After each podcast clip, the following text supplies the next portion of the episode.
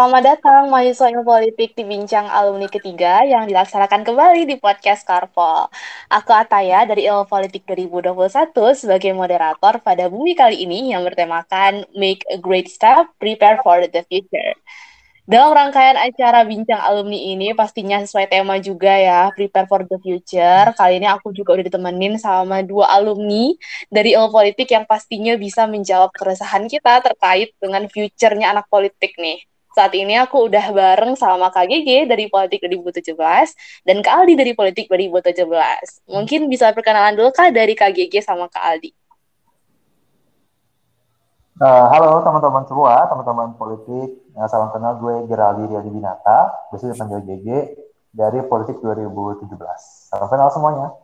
Ya, halo semuanya. Uh, kenalin nama gue Aldi Rashid, biasa dipanggil Aldi. Uh, gue di politik satu angkatan sama GG di Ilmu Politik 2017. Salam kenal semuanya. Oke, salam kenal kali Kak Aldi. Kalau katanya cool cool, mungkin kita hangatkan dulu kali ya suasananya Kak Aldi Kak GG. boleh ya, boleh mungkin ya biar tidak terlalu tegang ya. Oke, oke, oke. Saat ini kan Kak Gege sama Kak Aldi udah masuk ke dunia kerja nih ya, kayak udah lulus kuliah, udah masuk ke fase selanjutnya, ke dunia kerja juga. Kak Gege di uh, Sekretaris Badan Pemilihan Umum PSI ya Kak. Kemudian Kak Aldi juga sebagai podcaster di SMHW Somehow Podcast. Nah, kita tuh kan sekarang udah sering kayak terpapar sama konten-konten kayak Day in My Life, 9 to 5-nya budak korporat nih Kak. Nah, kalau Kak Gigi sama Kak Aldi sendiri, kesehariannya tuh gimana sih Kak? Kayak mirip-mirip 9 to 5-nya budak korporat juga kah? Atau gimana? Beda nggak? Kayak boleh deskripsikan nggak Kak? Kayak gimana sehari-harinya atau pekerjaannya gimana? Siapa dulu nih? Ini kayak perlu dipandu nih. Siapa dulu nih? Karena kita nggak bisa main mata. iya. Ya, boleh, boleh. Boleh. Moderatornya bilang Kak siapa dulu. Nah, gitu. Baru kita ngikuti. boleh, boleh. Kak Gigi dulu deh. Oke, oke. memang saat ini bekerja di partai politik jadi uh, memang atau nggak nggak semua jadi nggak banyak partai politik itu meng-hire profesional. Jadi orang-orang yang memang full timer bekerja sebagai pengurus partai gitu kan.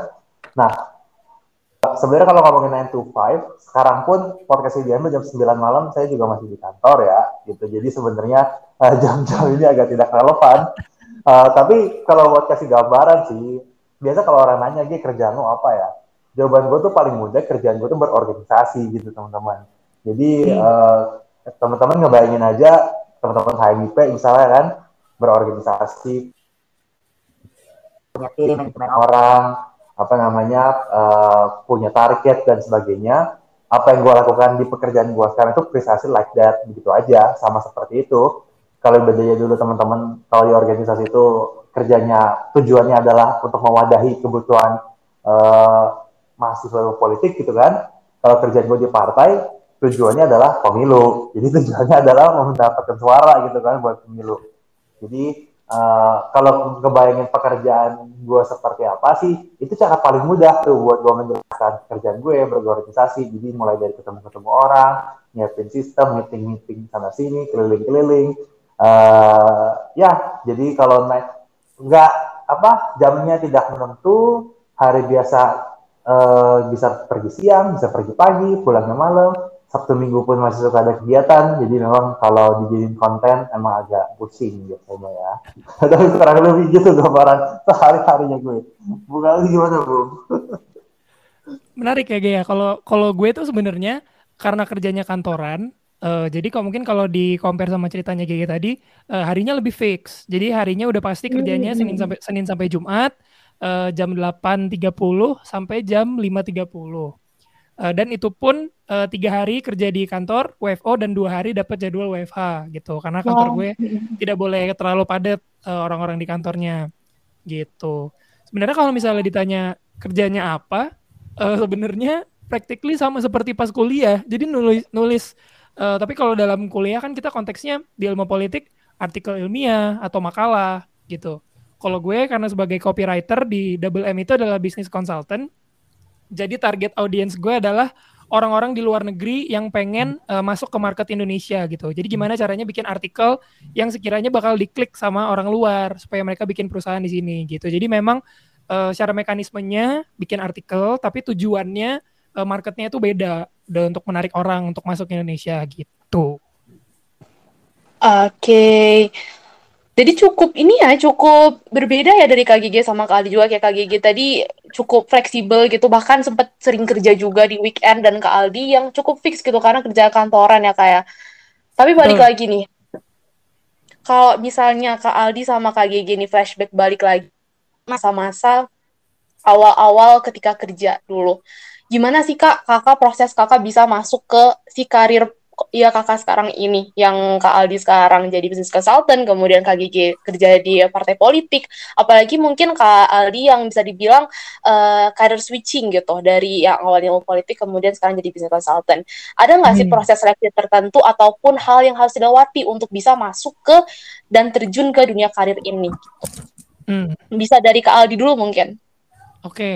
Uh, jadi kalau misalnya gue tuh thought prosesnya itu pasti kalau ini nggak tahu ya uh, angkatan kalian kayak gimana. Cuma kalau waktu di angkatan gue, gue merasanya uh, hidup itu udah mulai makin real itu ketika udah mulai magang di DPR.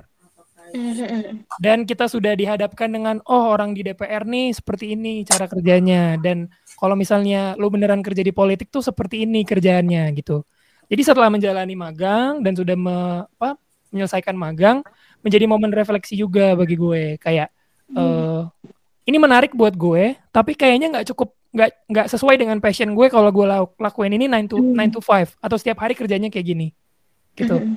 kayak ini cukup menarik cukup uh, me, apa memancing keingintahuan gue sebagai orang yang suka politik aja tapi kayak untuk pekerjaan kayaknya uh, kayaknya nggak dulu gitu. Kalau langsung terjun ke politik gitu. Makanya gue menguliknya apa sih sebenarnya yang suka yang suka uh, gue kerjakan gitu. Jadi ternyata uh, gue tarik benang merahnya dari awal kuliah uh, memang yang bikin gue suka kuliah di politik adalah gue suka nulis gitu. Jadi emang basicnya uh, menikmati dan enjoy nulis. Jadi gue ngerasanya kayak kalau gue bisa ngelakuin sesuatu yang uh, gue suka gue nyaman ngerjainnya dan dibayar pula jadi pekerjaan full time itu pasti akan menyenangkan gitu. Jadi sebenarnya karena gue pengen lakukan ini full time, uh, gue cari dulu mana yang gue enjoy aktivitasnya gitu. Dan ternyata ketemu di tek dinulis gitu. Oke, okay, jadi kayak ilmu politik ini bisa dibilang sebagai dalam tanda kutip juga batu loncatan untuk bisa menemukan si jati dirinya ke Aldi gitu kali ya? Iya, dan dan menurut gue karena kalian anak anak politik gitu, meskipun kalian anak politik, tapi jati dirinya nggak harus udah pasti kalian bakalan jadi uh, politisi atau berkarir di politik. Sebenarnya kuliah apa pun jurusannya itu adalah masa pembentukan diri kalian kan. Jadi apa pun yang kalian suka, apa pun yang kalian uh, passionate, jangan ditahan-tahan, justru harus dieksplor. Tuh. Betul, betul, betul. Setuju sih. Dunia kuliah sebagai wahana eksplorasi sih bener ya kak ya. Kalau Kak Gigi sendiri gimana kak? Waktu awal-awal masuk ke dunia partai politik kak? Oke, okay, uh, eh, kalau jalur masuknya ya masuk di partai politik. Sebenarnya gue harus kasih disclaimer dulu bahwa uh, apa yang gue alami itu bisa jadi sangat berbeda dengan teman-teman lain yang mau masuk di jalur politik gitu ya. Hmm. Uh, pertama, kalau kita ngomongin uh, politik, sebenarnya teman-teman kan udah belajar juga ya bahwa apa pun pekerjaan kalian tuh pasti ada politik-politiknya lah gitu kan. Apa pun hmm. apa profesi kita pasti nggak bisa nggak bisa nggak bisa nggak bersinggungan lah gitu kan sama kebijakan, sama undang-undang dan sebagainya. Tapi kalau teman-teman betul-betul tertarik misalnya untuk terjun langsung ke uh, dunia po politik, mungkin politik praktis itu bisa di, bisa didebatkan lah ya definisinya. Tapi pada akhirnya orang teman-teman terlibat langsung dalam partai politik dengan anggota dewan misalnya. Kalau misalnya kita ngomongin politik kan, misalnya kerja di tenaga ahli gitu kan, atau tim sukses, atau tim kampanye, atau masuk ke partai politik gitu kan ya pekerjaan-pekerjaan uh, yang demikian tuh. Nah, uh, cara masuk itu memang selalu beda-beda sih teman-teman. Cerita gue itu kebetulan aja karena gue saat ini berada di sebuah partai politik yang memang kebanyakan anak-anak muda gitu. Yang kebanyakan hmm. teman-teman partner gue juga seumuran-seumuran gue juga gitu yang kerja di sini gitu. Bahkan pimpinan gue itu di DKI ya, DPD DKI itu umurnya juga 30 gitu loh. Jadi memang karena konteksnya gue berada di sebuah partai politik yang memang banyak anak mudanya gitu kan nah e, cara masuknya memang kalau gue pertama volunteer volunteer dulu waktu itu cerita mm. singkat pas banget gue lagi libur apa baru selesai skripsian udah selesai sidang masih gabut tuh Nah karena gue masih gabut, kebetulan banget partai yang gue sekarang ini, ini tuh gue boleh sebut nih ya? Gue sebut aja kali ya. Agak ribet sebut ya, aja, Ki, nggak apa-apa, Ki. ya, jadi PSI ya, ini Partai Solidaritas Indonesia. Specifically gue di DKI, di DPW, jadi partai politik tingkat provinsi gitu ya, di DPW DKI Jakarta. Nah pas banget PSI itu gue lagi buka volunteer uh, dalam bentuk biro, jadi jadi masuk ke pengurusan tapi volunteer. Nah jadi awalnya dari sana, gue ikut volunteer aja kegiatan-kegiatan PSI di DKI Jakarta, bikin-bikin event, waktu itu bikin langsung bikin event uh, provinsi gitu, Kopdar Will. Jadi Kopdar Will itu kayak kopi darat wilayah gitu kan. Terus engage ke kegiatan-kegiatan anggota dewan, ikut-ikut reses dan sebagainya. Sampai akhirnya uh, pimpinan itu ngelihat ngelihat gue, ngelihat oh ini ada anak muda nih baru lulus udah aktif volunteer. Nah akhirnya singkat cerita gue di approach lah dan akhirnya dapat kerjaan full time uh, di DPW DKI Jakarta. Nah jadi uh, itu sih kalau ngomongin masuknya ya tapi kebanyakan kalau teman-teman memang mau terlibat, uh, mau langsung berkecimpung di sektor politik yang langsung beneran partai atau DPRD, DPR, memang kebanyakan sih either teman-teman sudah pernah magang sebelumnya, atau punya jaringan, atau punya koneksi gitu ya, atau banyak kegiatan-kegiatan yang volunteering gitu. Karena sih, gue ngeliat kebanyakan sih kayak gitu sih, bahkan beberapa teman-teman yang senior-senior yang sekarang terlibat di politik, kebanyakan memang jalurnya adalah either koneksi, ada senior di sana, atau pernah magang, atau pernah ngikut, pernah bantu-bantu, project-project, volunteering-volunteering. Jadi kurang lebih sih kalau masuk, kalau cerita gue sih masuknya kayak begitu. Oke oke oke berarti termasuk yang kayak mulai dari awal banget ya maksudnya kayak dari yang posisi volunteer yang masih belum kayak dapet pekerjaan apa-apa sampai akhirnya gara-gara volunteer ketemulah sama si bosnya itu atasannya Kak GG sekarang dan direkrut sama atasannya itu untuk full time gitu ya Kak? Ya ya, kurang lebih kayak begitu. Memang uh, apa? Kalau kalau kembali lagi ya ini hanya ini pengalaman orang bisa beda-beda ya, apalagi di politik ini. Kebetulan aja, kebetulan gue daftar dan gue terlibat di partai politik yang mem memberikan akses yang lumayan besar gitu dan kepercayaan yang lumayan besar buat anak-anak muda. Gue masuk PS itu pas volunteer pas gue lulus 2020 uh, saat 2020 satu ya. Gue lulus 2002 2021 gitu kan gue lulus. Uh, gue sebulan dua bulan volunteering full time. Uh, dan sekarang udah genap sih Oktober kemarin genap setahun tuh sekarang lumayan dipercaya untuk menduduki posisi yang lumayan strategis lah kalau dalam partai politik gitu uh, di sekretaris badan pemilu, badan pemenangan pemilu uh, akses-akses kayak gini atau memang karir-karir yang kayak gini yang memang uh, pertama kalau kita ngomongin partai politik gak semua bisa dapat juga gitu. Kalau gue di partai-partai yang lebih senior mungkin gue juga nggak bisa kayak gini sekarang gitu karena uh, semua partai politik kan punya pola rekrutmen dan pola kaderisasi yang beda-beda kan. Mana bisa nih GGGG ini apa baru lulus kuliah setahun udah jadi sekretaris Bapilu misalnya di partai-partai lain tuh kagak ada gitu sekretaris Bapilu tuh udah pasti udah tua-tua semua gitu kan bahkan sudah jadi orang-orang gede. Ini plus minus ya. Memang plusnya artinya orang-orang yang lebih berpengalaman kan buat uh, menduduki posisi-posisi strategis. Uh, tapi di sisi lain uh, kebetulan di PSI banyak memberikan ruang buat anak-anak muda yang mau terlibat dalam politik gitu. Jadi kembali lagi sebenarnya uh, apa yang gue rasakan memang nggak bisa dipukul rata. Uh, tergantung teman-teman ngikut siapa atau misalnya ngikut partai apa dan sebagainya gitu. Banyak juga teman-teman yang sekarang ikut anggota dewan misalnya di tenaga ahli fraksi tenaga ahli alek gitu kan. Uh, itu juga mereka punya karir path yang berbeda tetapi memang semua tergantung sama uh, apa kita ngikut siapa sih. Masalahnya sih itu ya masalahnya di Indonesia dengan politik kita sekarang tuh memang sangat masih sangat tergantung dengan kita ikut siapa atau kita ikut partai apa kita kita ikut lembaga apa kurang lebih kayak gitu sih. Wah menarik sih kak, tapi dari yang cerita kak GG pengalaman kak GG tadi, intinya adalah pengalaman dan experience itu penting banget dalam dunia kerja ya kak ya? Oh iya ya, itu itu udah pasti lah. Uh, apa makanya apa gue rasa gue sama Ali sepakat lah. Kita kalau misalnya lagi kasih apa sharing-sharing ke teman-teman mahasiswa uh, apa di sekolah di kuliah itu justru perbanyak experience di luar kelas gitu loh karena kita kan mm -hmm. nih ya. Fisip ini kan uh, belajarnya ya kita kan nggak perlu pulang kelas ngerjain soal matematika kan. Kalau kayak teman-teman kita yang di uh, IMIPA gitu kan atau teknik mereka pulang kuliah masih harus latihan soal gitu kan. Masih hmm. harus ngerjain matematika ngitung-ngitung dan sebagainya karena mereka melatih skill itu. Tapi kita nih anak-anak fisip apalagi anak-anak ilmu politik justru kan uh, ya kita di kelas belajar gitu. Kita diskusi kita baca. Dan di luar kelas justru perbanyak banyaklah activity gitu perbanyak banyaklah kegiatan-kegiatan pengalaman-pengalaman. Mau lu magang kek mau lu uh, organisasi mau lu uh, apa kegiatan-kegiatan seni budaya olahraga dan sebagainya.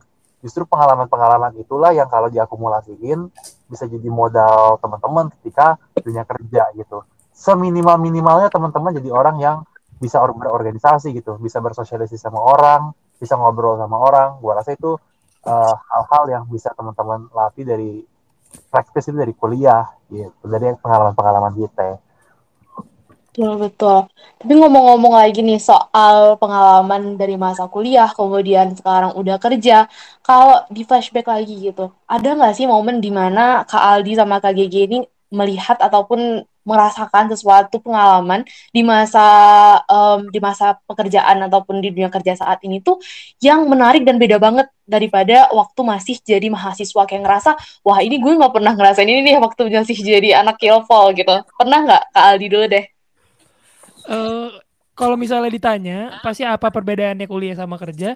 Pasti beda. Pasti beda banget. Kayak ya 180 derajat. Pasti uh, orientasinya harus make money, udah punya target yang jelas. Hmm. Kalau misalnya nggak deliver, uh, kalian akan mendapatkan konsekuensinya gitu. Sebenarnya berbeda pasti berbeda. Cuma justru gue pengen meng-highlightnya itu justru ada satu pengalaman di ilmu politik yang ternyata malah mempersiapkan gue untuk kerja gitu. Jadi hmm. uh, gue spill aja nih sekarang gue kan sebagai copywriter di Double M gitu ya. Misalnya sebulan disuruh menulis artikel 12 artikel gitu ya dan misalnya tuh ada uh, acuan katanya itu misalnya 750 kata gitu per artikel yang mm-hmm. pendek, per artikel yang pendek gitu ya. Terus gue jadi merasa tidak sulit mengerjakan itu. Kenapa? Karena di politik kan kita bikin makalah bisa tujuh halaman, bisa delapan mm-hmm. halaman gitu. Yang ternyata momen yang dulu-dulu gue bilang, aduh capek nih, aduh pusing nih.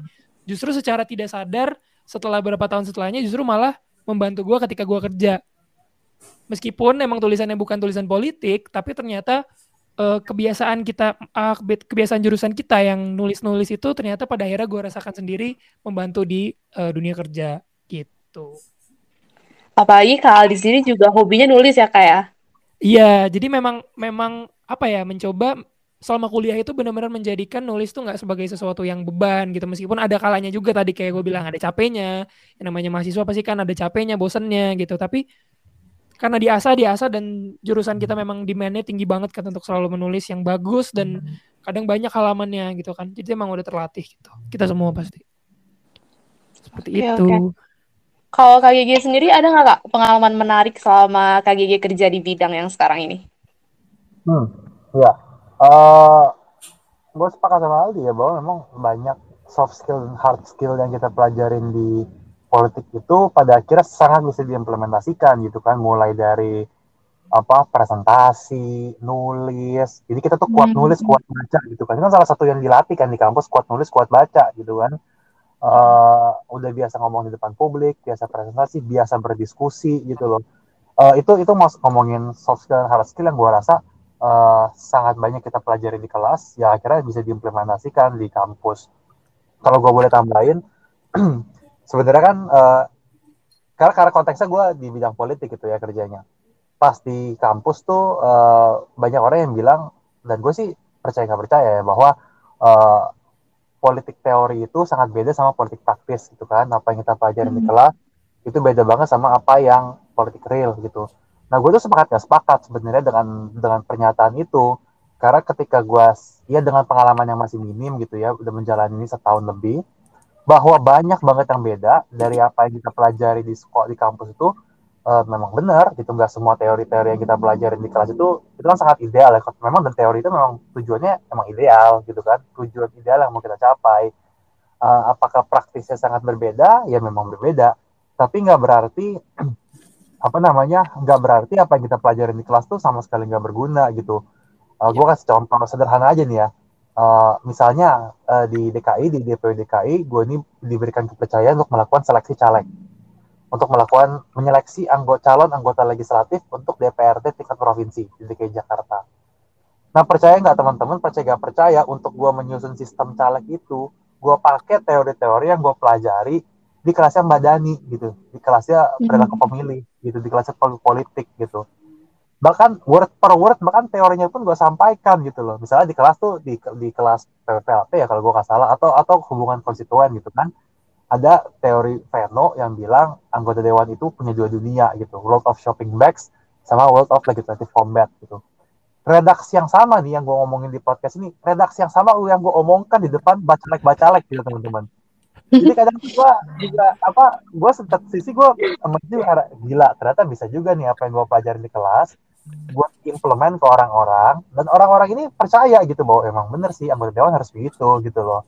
Jadi jadi banyak momen-momen uh, yang ketika gue kerja di PSI, kerja gue ketemu, gue melek caleg, gue bekerja dalam konteks pemilu, kampanye dan sebagainya, teori-teori di kelas yang memang bisa kok di, kita coba implementasikan gitu kan, bisa kok kita coba terapin, kita terjemahin ke uh, pekerjaan-pekerjaan gitu kan. Dan bukan cuma di bidang gue sih, gue rasa banyak teman-teman yang bekerja di bidang lainnya yang masih ada hubungannya sama publik, uh, administrasi publik, masih ada hubungannya sama pelayanan publik, banyak kok ilmu-ilmu di kelas yang masih bisa dan masih relevan sebenarnya diterapin. Uh, so pengalaman gue setahun terakhir kerja di PSI justru banyak banget gitu. Uh, apa teori loh, bahkan tuh teori gitu, teori-teori yang gue pelajarin di kelas yang ternyata bisa kok diterjemahkan secara praktis gitu, jadi strategi, jadi uh, konten, jadi uh, banyak hal, banyak hal. Terakhir misalnya gue nulis uh, buat uh, bikin konten buat PSDKI itu terkait proposal terbuka, proposal, proposal tertutup gitu. Itu gue ambil bahan-bahannya dari bahan-bahan kuliah gitu. Uh, bahan-bahan yang lumayan berat gitu, teori-teori yang berat, buku-bukunya Aspinal, bukunya Pak Mustadi gitu ya tentang patronase dan sebagainya. Dan jadi konten gitu. Dan ternyata bisa kita kita kerjain juga di partai politik. Jadi uh, kalau gue karena pas di politik juga, jadi lumayan banyak sih momen-momen di mana gue bisa ketawa sendiri kayak ih gila ternyata bisa juga nih gue terjemahin nih kayak yang gue pelajarin di kelas buat kerjaan gue gitu. menarik menarik banget sih ininya uh, pengalaman Kak Aldi sama Gigi momen-momen yang bikin kita ya Hoki cukup bersyukur sih sebagai pernah merasakan jadi anak yang politik gitu ya.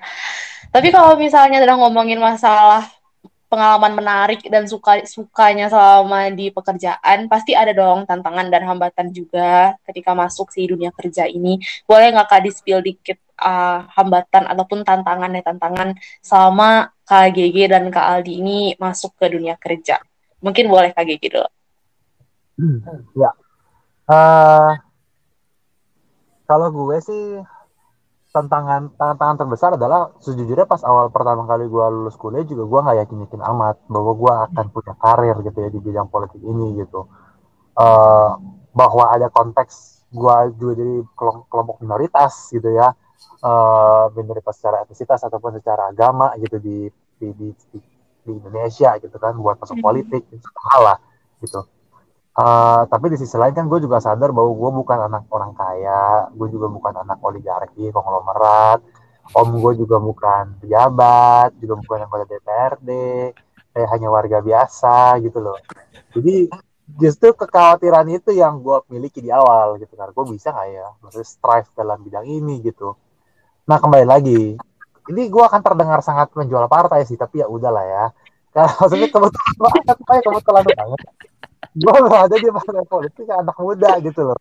Yang memberikan kesempatan buat anak-anak seumuran gue gitu. Percaya gak percaya deh teman-teman lah ya. Gue gue terserah kalau mau percaya gak percaya aja. Uh, partai-partai gue kebanyakan seumuran gue anak politik anak politik semua juga. Dari UB UNER uh, UIN uh, anak-anak magang di PSI kebanyakan anak-anak politik gitu loh yang benar-benar bisa ngelakuin sesuatu gitu. Gue gak gue nggak pernah bisa membayangkan Geraldi nih usia gue baru 23 lulus kuliah gak punya pengalaman apa apa gue berada di klub gue berada di posisi menyeleksi gitu calon anggota legislatif buat DKI Jakarta. Nah yang kayak gini kan memang sangat tergantung ya sangat tergantung sama lu backgroundnya apa dan sebagainya. Uh, jadi itu sih kalau gue lebih ke kekhawatiran dan ke tantangan yang kayak gitu. Karena memang uh, eh, gue sadar banget di awal uh, apa jalur masuk ke politik ini kalau lo nggak punya siapa-siapa, lu bukan anaknya siapa, apalagi di Indonesia gue lihat gitu kan. Tapi percayalah. Mas kan akan menemukan wadah-wadahnya masing-masing gitu. Gua rasa banyak kok wadah-wadah aktualisasi yang eh, yang relevan gitu. Apa pun, yang penting teman-teman memang punya tujuan yang baik gitu ya, punya tujuan yang besar gitu. Kalau gue sih lebih gitu sih eh, ceritanya ya kalau terkait duka dan kekhawatirannya. Monggo Bung Aldi. Oke, oke. Boleh Kak Aldi gimana nih tantangannya selama ini di dunia kerja? Iya, eh, tapi sebelum gue cerita tentang tantangannya, gue tuh tadi relate banget waktu GG cerita eh, ketika ada momen bahwa dia aware bukan anak siapa atau karena itu sebenarnya anak-anak politik tuh ketika moment of truth-nya adalah ketika kalian tertampar dengan realita itu kayak ketika kalian udah masuk eh, terekspos pas magang di DPR, kalian akan melihat kayak oh ternyata dia di posisi ini dia anaknya si ini, oh dia anaknya di si ini. Dan di negara kita memang tidak dapat dipungkiri yang hal seperti itu memang benar adanya. Kalau misalnya dia anak seseorang figur yang penting, maka naiknya bisa lebih eh, cepat gitu. Makanya salah satu eh, backgroundnya kenapa gua nggak memilih mau berkarir di politik, kayaknya kalau merintis dari bawah, gua nggak sekukuh itu untuk eh, di politik gitu loh. Maksudnya emang passionnya dari dalam diri tuh nggak terlalu gitu. Jadi ketika gue mencari eh, mau yang banyak nulis-nulisnya, dapatlah kerjaan di bisnis konsultan ini. Dan memang secara mekanisme kerjanya nulisnya memang nggak ada bedanya sama kayak pas kuliah. Literally hanya nulis artikel aja gitu. Tetapi tantangannya justru mempelajari hal-hal yang baru karena kantor gue itu kan bisnis konsultan. Dan saingan-saingan kita ya sebenarnya orang-orang yang juga pengen membawa klien dari luar negeri uh, untuk expand di Indonesia. Jadi dalam waktu yang singkat, mungkin dalam sebulan kurang, dua minggu, tiga minggu, gue harus belajar tentang gimana sih cara bikin PT di Indonesia, apa bedanya Hmm. PT sama perusahaan modal perusahaan modal asing. Terus kayak uh, imigrasi tuh bisnis visa tuh jenisnya ada berapa aja dan gimana cara uh, daftarnya, apa aja dokumen-dokumennya. Itu semuanya harus gue pelajarin bener-bener dari awal. Karena kalau misalnya gue nggak tahu, gue nggak bisa ngasih informasi ke orang-orang yang kiranya butuh kan. Dan itu hanya hanya itu dari uh, materinya aja ya. Itu kan hanya dari secara substansinya gitu. Tapi dalam kerjaan gue juga untuk memarketkan artikel gue ini kan harus harus pakai uh, Google Ads, harus iklan di internet juga, belajar lagi hal-hal yang baru gitu. Jadi sebenarnya uh, bukan duka sih, malah sebenarnya challenge, bukan suka duka, tapi challenge-nya memang di situ ya. Ketika masuk ke Mhm. bidang yang baru, gue harus benar-benar nyelam nih ke bidang ini. Dan untungnya uh, sama kayak GG tadi ya, dapat uh, atasan, dapat bos yang juga sangat welcome gitu, yang sangat membantu untuk ngasih akses belajarnya gimana gitu, dan selalu mensupport kayak gitu. Tapi balik lagi kayak yang disebutin juga pengalaman Kak Gigi sama Kak Aldi yang bilang kalau misalnya kayak anak politik itu udah digembleng banget sama yang namanya baca dan nulis. Jadi ketika Kak Aldi harus belajar banyak hal dan baca hal baru, jadi mudah banget nyerap ya Kak ya? Banget apalagi apalagi hal-hal yang gue pelajarin itu sangat birokratis kan. Maksudnya sebenarnya prosedur-prosedur di uh, institusi institusi pemerintah. Meskipun gue peminatannya banpol tapi kan tahu tuh sedikit banyak dari teman-temannya kayak mungkin pernah cerita aduh gue uh, dulu belajar ini kayak uh, kalau di Indonesia tuh hierarkinya kayak gitu banget ribet banget. Maksudnya uh, bertele-tele kadang harus dari sini ke sini ke sini ke sini. Dan itu sekarang jadi yang gue jual ke klien-klien gue kayak uh, di Indonesia memang kondisinya sekarang uh, sangat birokratis. Kalau misalnya mau bikin-bikin dokumen itu prosesnya agak lama karena diproses ke berbagai institusi daripada lu ngurus sendiri, mending lu pakai konsultan gue gitu. Jadinya gue puter Hmm. untuk untuk uh, marketkan service gue gitu karena tahu kondisinya yang kayak gimana gitu. Jadi bahan pitching ya Kak? Malah jadi malah jadi untuk mencari klien kan karena orang karena the thing is orang-orang luar negeri ketika mau masuk ke Indonesia ini cuma buat pengetahuan aja ya. Mereka tuh nggak pengen ribet. Mereka pengennya Hmm. satu konsultan yang all in. Jadi kayak service-service yang gue bilang tadi, bikin PT, eh, ngurusin visa buat pegawainya. Mereka nggak mau tuh perintilannya mereka misah-misah. Jadi langsung aja yang all in. Gitu. Oke, oke, oke. Tapi kalau misal flashback lagi dikit lagi deh ke masa-masa kuliah kayak Kak Aldi lagi. Eh kayak sekarang ada di perusahaan bisnis consultant. Pernah nggak sih Kak waktu masih masa-masa kuliah semester 4, semester 5 itu ngebayangin bahwa Kak Aldi itu bakalan ada di posisi yang sekarang di perusahaan yang sekarang gitu? Enggak sama sekali, karena dulu tuh eh, idealismenya adalah pengen jadi jurnalis dan spesifiknya Hmm. jurnalis bola. Hmm. gitu dan waktu itu ceritanya adalah gue udah apply ke semua media-media lokal yang punya eh apa istilahnya kanal sport gitu ya yang punya channel kayak sportnya gitu udah apply semuanya dan tidak ada yang menerima gitu. Jadi akhirnya gue iseng Hmm. iseng apply ke yang luar negeri, justru malah orang luar negeri yang pertama yang pertama nggak reply email gue, bukan bukan orang bangsa sendiri yang mau baca portofolio gue, yang mau yang mau ngelihat artikel gue dan pada akhirnya nerima meskipun itu jatuhnya part time ya, kayak nggak full time kan. Karena emang Hmm. itu kayak media yang media komunitas gitu sebenarnya. Tapi emang di Inggris gitu. Tapi balik lagi, eh, apa yang waktu itu bisa dibilang apa ya? eh, hal yang Kak Aldi lakukan untuk bisa mempersiapkan diri untuk di posisi itu atau kayak karena Kak Aldi udah punya proyeksi kayaknya gue tuh minatnya di nulis deh bakal jadi copywriter deh apa yang Kak Aldi waktu itu persiapin untuk bisa sampai ke eh, bisa masuk ke dunia kerja di bidang itu Hmm, ya tentunya pasti pertama eh, cari tahu passionnya dulu ya. Kayak kalau gue kan waktu itu Hmm. stepnya adalah gue menyadari kalau gue suka nulis, terus mulai eh, konsul ke senior-senior, habis itu ke teman-teman yang udah kerja, nanya kayak kalau yang nulis tuh kepakainya di mana? Pada bilang kalau suka nulis ya jurnalis, eh kalau nulisnya dalam konteks artikel berita. Tapi kalau misalnya mau di eh, switch dikit bisa jadi copywriter. Jadi ketika itu gue ngerasa optionnya wah udah ada dua option yang dua-duanya gue tertarik nih. Jadi udah mengerucut sih sebenarnya. Jadi sebenarnya mulai dari skill yang gue punya dulu gitu. Nah, apa yang gue nyambung sama Aldi nih tadi bahwa eh, kalau pertanyaan kan dulu pas semester pas semester lima bisa kebayang nggak ya kita berada di posisi ini sekarang? Ya jawabannya nggak sama sekali. Nah, oleh karena itu eh, sekarang kan emang kita agak terjebak ya karena media sosial, karena LinkedIn. LinkedIn gitu kan ya. Jadi agak terjebak dengan mindset bahwa eh, pekerjaan pertama kita harus langsung apa harus langsung yang tepat gitu kan, harus langsung yang keren keren keren gitu, harus pasti yang tinggi gitu kan, harus langsung bisa terti under terti gitu. Gua nggak apa-apa, teman-teman kita punya ambisi itu sih keren-keren aja.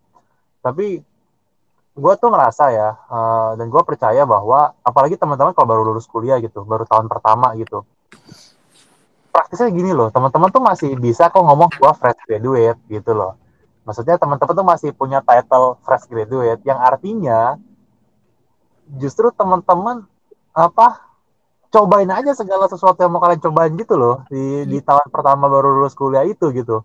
Atau ketika pas sudah mau skripsi skripsi gitu pas sudah agak lenggang eh, mau cobain ini cobain itu dan sebagainya. Karena pas misalnya begini ya pas gue daftar volunteer di PSI gue juga nggak punya proyeksi proyeksi banget. Gue akan jadi PSI banget sampai sekarang gitu gitu. Gue juga nggak punya juga nggak ada nggak nggak membayangkan diri gue oke gue akan setia sampai 2024 gitu kan saat itu ya saat itu gue belum Oh, jadi mau mau lompat partai gitu gimana gitu? nggak begitu dia melintir gue nih Sorry Ge, soalnya soalnya gue pernah jadi jurnalis juga kan, jadi instingnya langsung seperti itu Ge. Nah, nah itu dia. Makanya poin gue nyambut. Tadi gue mau bilang sama Aldi, mimpinya Aldi tuh belum belum pupus, masih bisa dia Hmm. kejar gitu loh. Justru makanya itu justru eh, apa teman-teman kadang tuh kita tuh chill aja gitu bahwa ya jaksel banget nih cil cil cil bahwa eh kalau teman-teman baru lulus kuliah gitu, baru sidang, baru atau bahkan semester 4, semester 5 gitu. Justru kalian punya kesempatan untuk mencoba bidang pekerjaan apa pun sebanyak-banyaknya tuh sekarang gitu loh.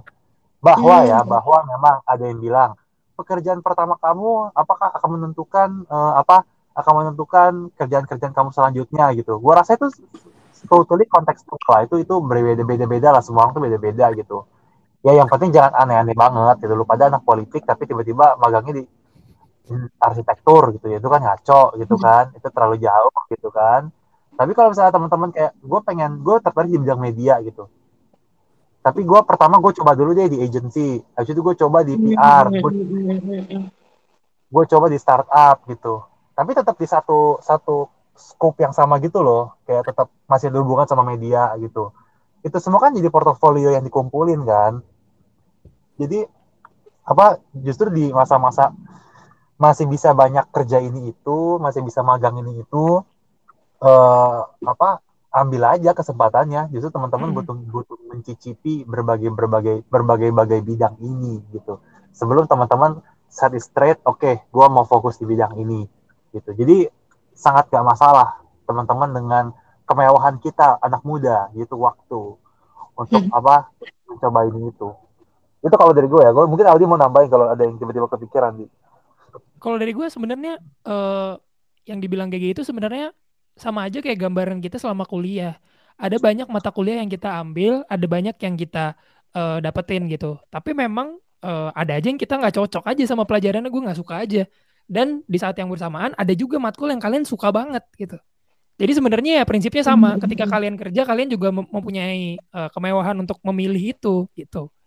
Jadi ja- jangan pernah takut untuk terkotak-kotakan, oh karena gue anak politik jadi gue harus kerja di sini gitu. Jangan menutup eh, ruang untuk ngembangin potensi diri seperti itu. Betul, betul. Setuju banget sih. Apalagi kali dia bilang, iya sih, kayaknya anak muda sekarang, ataupun kayak ya FOMO, FOMO gitu kan ya. Jadi kayak mulai merasa kalau misalnya ada rasa sedikit mulai gak tenang gitu. Kalau misalnya ada waktu kosong gitu. Harus ini, harus itu. Gak pede ini, gak pede itu gitu. Nah, ini juga berhubungan sih sama pertanyaan selanjutnya. Ini tentang kepercayaan diri. Selama kita ada masih jadi mahasiswa aktif, kemudian harus mempersiapkan diri gitu ya untuk kehidupan pasca kampus kerja. Ada nggak sih Kak tips dari Kak Aldi sama Kak GG yang udah masuk dunia kerja juga ya? Cara supaya kita tuh dapetin PD itu ketika kita mempersiapkan diri untuk bisa masuk ke dunia kerja. Hmm. Boleh nih Kak Aldi dulu. Eh sebenarnya kepercayaan diri itu akan muncul kalau pengalaman gue ketika kita sudah pernah melakukan hal itu sebelumnya, misalnya dalam konteks apa pun gitu. Kita nggak pede karena kita ngerasa kita nggak punya experience-nya. Jadi yang waktu itu gue lakukan adalah eh, ambil magang dulu gitu.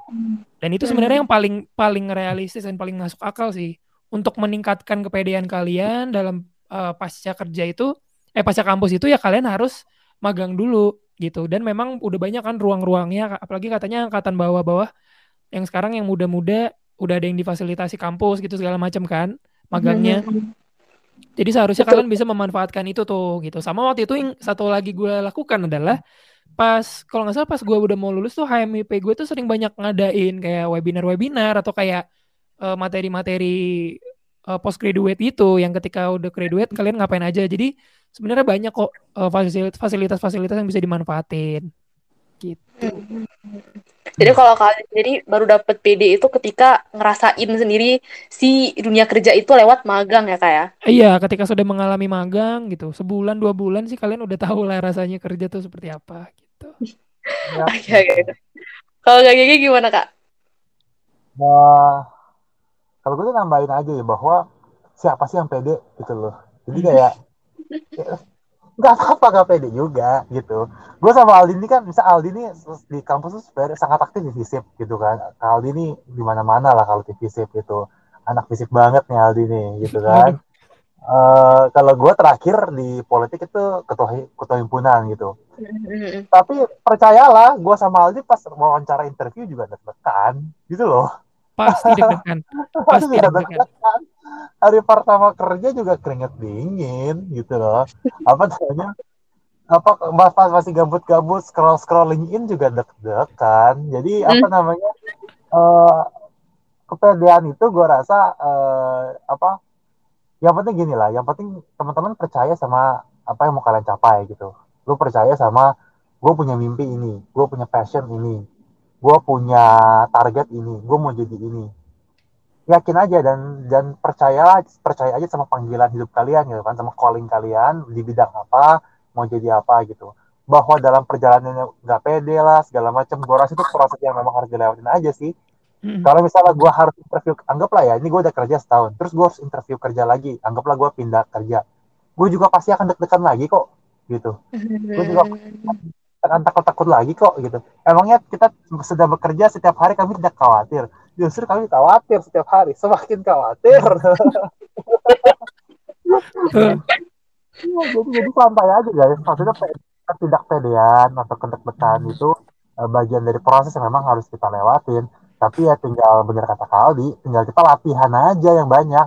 Coba-coba magang. Kalian ada sekarang suka isma-isma gitu kan ke luar negeri. Betul. Sambil- Exchange, exchange.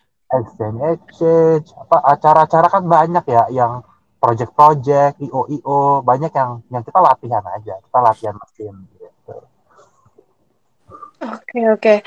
Ah, kalau misalnya nih, bisa dibilang pertanyaan terakhir sih, Kak, sebelum kita nutup podcast ini nih. Jadi, ini mungkin bisa dibilang nasihat ataupun pesan yang mungkin bisa di- dikasih sama Kak Aldi sama Kak Gigi yang udah masuk ke dunia kerja untuk teman-teman ilmu politik yang masih jadi mahasiswa aktif? Ada nggak Kak?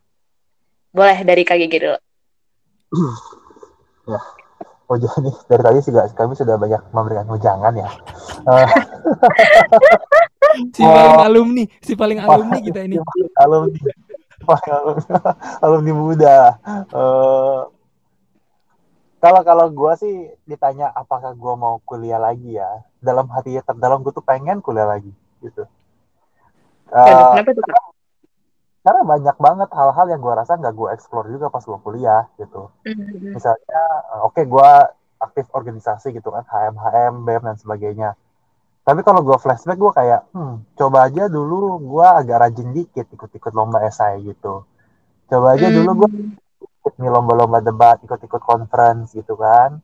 Atau coba aja dulu gue agak rajin dikit nih ikut-ikut apa main sama anak fakultas lain main sama anak fisip lebih banyak dan sebagainya gitu Eh, justru karena karena kita nih lulusan-lulusan fisip gitu ya anak-anak politik eh, justru kebanyakan bekerja di sektor-sektor yang memang sosial gitu apa pun itu ya mau jurnalistik eh, politik NGO apa akademisi penelitian dan sebagainya sektor-sektor yang memang ketemu orang lain gitu yang ketemu Hmm. manusia lain gitu kan bukan sektor-sektor yang kerja sama mes- bukan sektor-sektor yang kerja sama mesin gitu kan eh, kerja sama teknologi banget gitu ya kayak IT atau eh, yang apa bangunan dan sebagainya. Kan kita banyak kan lulusan fisip ya bekerjanya di sektor-sektor yang ketemu manusia juga gitu di sektor-sektor sosial sektor komunikasi dan sebagainya.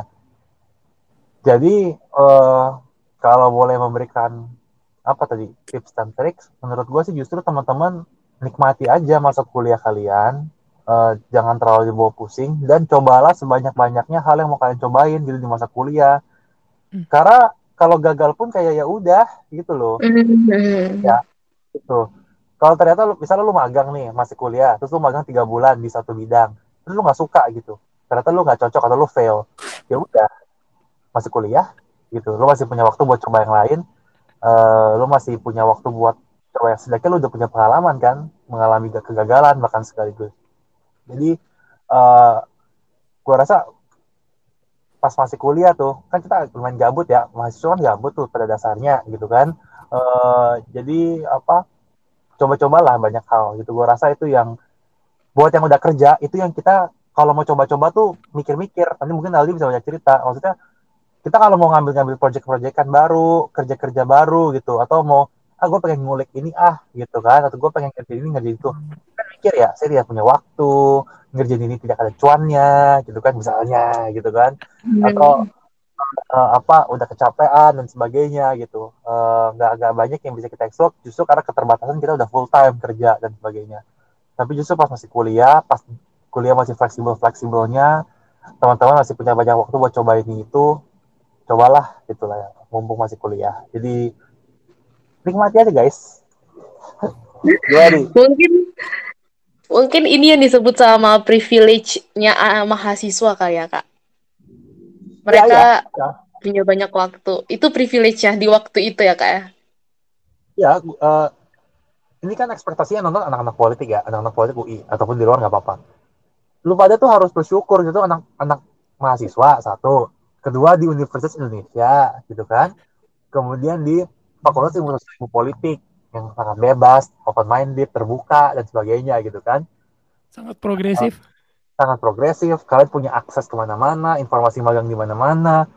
Percayalah gitu mau UI itu masih dinilai masih dilihat sama orang gitu loh. Masih dilihat kayak oh lu lulusan UI ya gitu. Masih dilihat lah gitu. Gue pun merasakan gitu Eh, jadi akuilah privilege kita sebagai mahasiswa orang yang masih bisa mendapatkan pendidikan dan maksimalkan aja gitu kayak ya udah lu pakai akses banyak banyaknya yang penting ya lu pada kontributif aja lah buat masyarakat buat sekitar. Eh, memperkaya diri sendiri dan memiskinkan orang lain gitu. Ke mana-mana. Maksud gue yang penting bermanfaat lah. Harus dikat tuh, harus dikat tuh. itu bermanfaat lah gitu lah jadi warga masyarakat itu loh. Oke, kalau Kak Aldi ada nggak Kak yang mau disampaikan pesan-pesan dikit ke anak-anak ilmu politik? Kalau pesan gue eh, buat eh, adik-adik ilmu politik yang dengerin ini dan yang masih sekarang mungkin masih masih belajar uh, teori-teori politik, ngambil matkul-matkul. Sebenarnya belajar memang itu perlu untuk kita lulus. Itu salah satu requirements kita untuk lulus gitu. Tapi pengalaman gue justru uh, kesempatan-kesempatan itu terbuka, pengalaman-pengalaman itu terbuka karena gue ngobrol sama orang di Pengpol. Gitu. Jadi jadi kayak sebenarnya kayak yang GG bilang tadi, privilege kita sebagai mahasiswa ilmu politik itu sebenarnya yang gue rasakan setelah lulus lulus kuliah juga adalah ada di koneksinya. Lulusan kita itu ada di mana-mana, ada di berbagai bidang. Jadi nyambung yang nyambung yang kita diskusikan tadi ya. Kayak kalian mau nyoba bidang apa pun, kemungkinan besar ada lulusan ilmu politik di situ. Gitu. Jadi uh, jangan takut untuk uh, bertanya, jangan takut untuk mencari informasi karena yang gue rasakan kekeluargaannya itu sangat kuat lulusan-lulusan kita. Jadi kalau misalnya adik-adik kita tuh ada yang mau ditanya atau ada yang perlu dibantu, bahkan mulai dari skripsi kalian atau bahkan nanti setelah kalian kerja, itu pasti kita akan menyempatkan untuk uh, bantuin kalau misalnya kita ada waktunya dan kita tahu resource-nya gitu. Itu sih kalau dari gue. Oke, makasih banyak Kak Gege. Nasihat dan pesan-pesannya sangat uh, heartwarming pesan-pesannya. Jadi serius heartwarming banget sih untuk kita-kita yang kayak masih semester 4 lagi di masa-masa galau-galaunya. Kayak ngeliat, aduh ini bener nggak ya gue, aduh gue aduh jadi apa, gitu-gitu. Makasih banyak Kak Gege sama Kak Aldi udah ngobrol-ngobrol bareng. Seru banget ngobrol-ngobrolnya. Sukses selalu Kak Aldi, Kak Gege di bidangnya masing-masing. Makasih banyak Kak udah hadir di podcast hari ini. Uh, mungkin sekian dulu teman-teman semua bincang alumni ketiga kali ini. Aku beserta para panitia dari bincang alumni ingin mengucapkan terima kasih lagi sekali lagi kepada KGG sama Kak Aldi yang udah hadir dan memberikan wawasan kepada seluruh mahasiswa politik sekaligus menjawab kekhawatiran kita semua terkait kehidupan pasca kampus. Terima kasih juga kepada para pendengar podcast Karpol Bumi Ketiga. Saya Ataya bersama dengan Kak Gege dan Kak Aldi pamit undur diri. Makasih semuanya. Sampai jumpa di lain waktu. Makasih semuanya. Bye. Good luck everyone. In politics, we trust.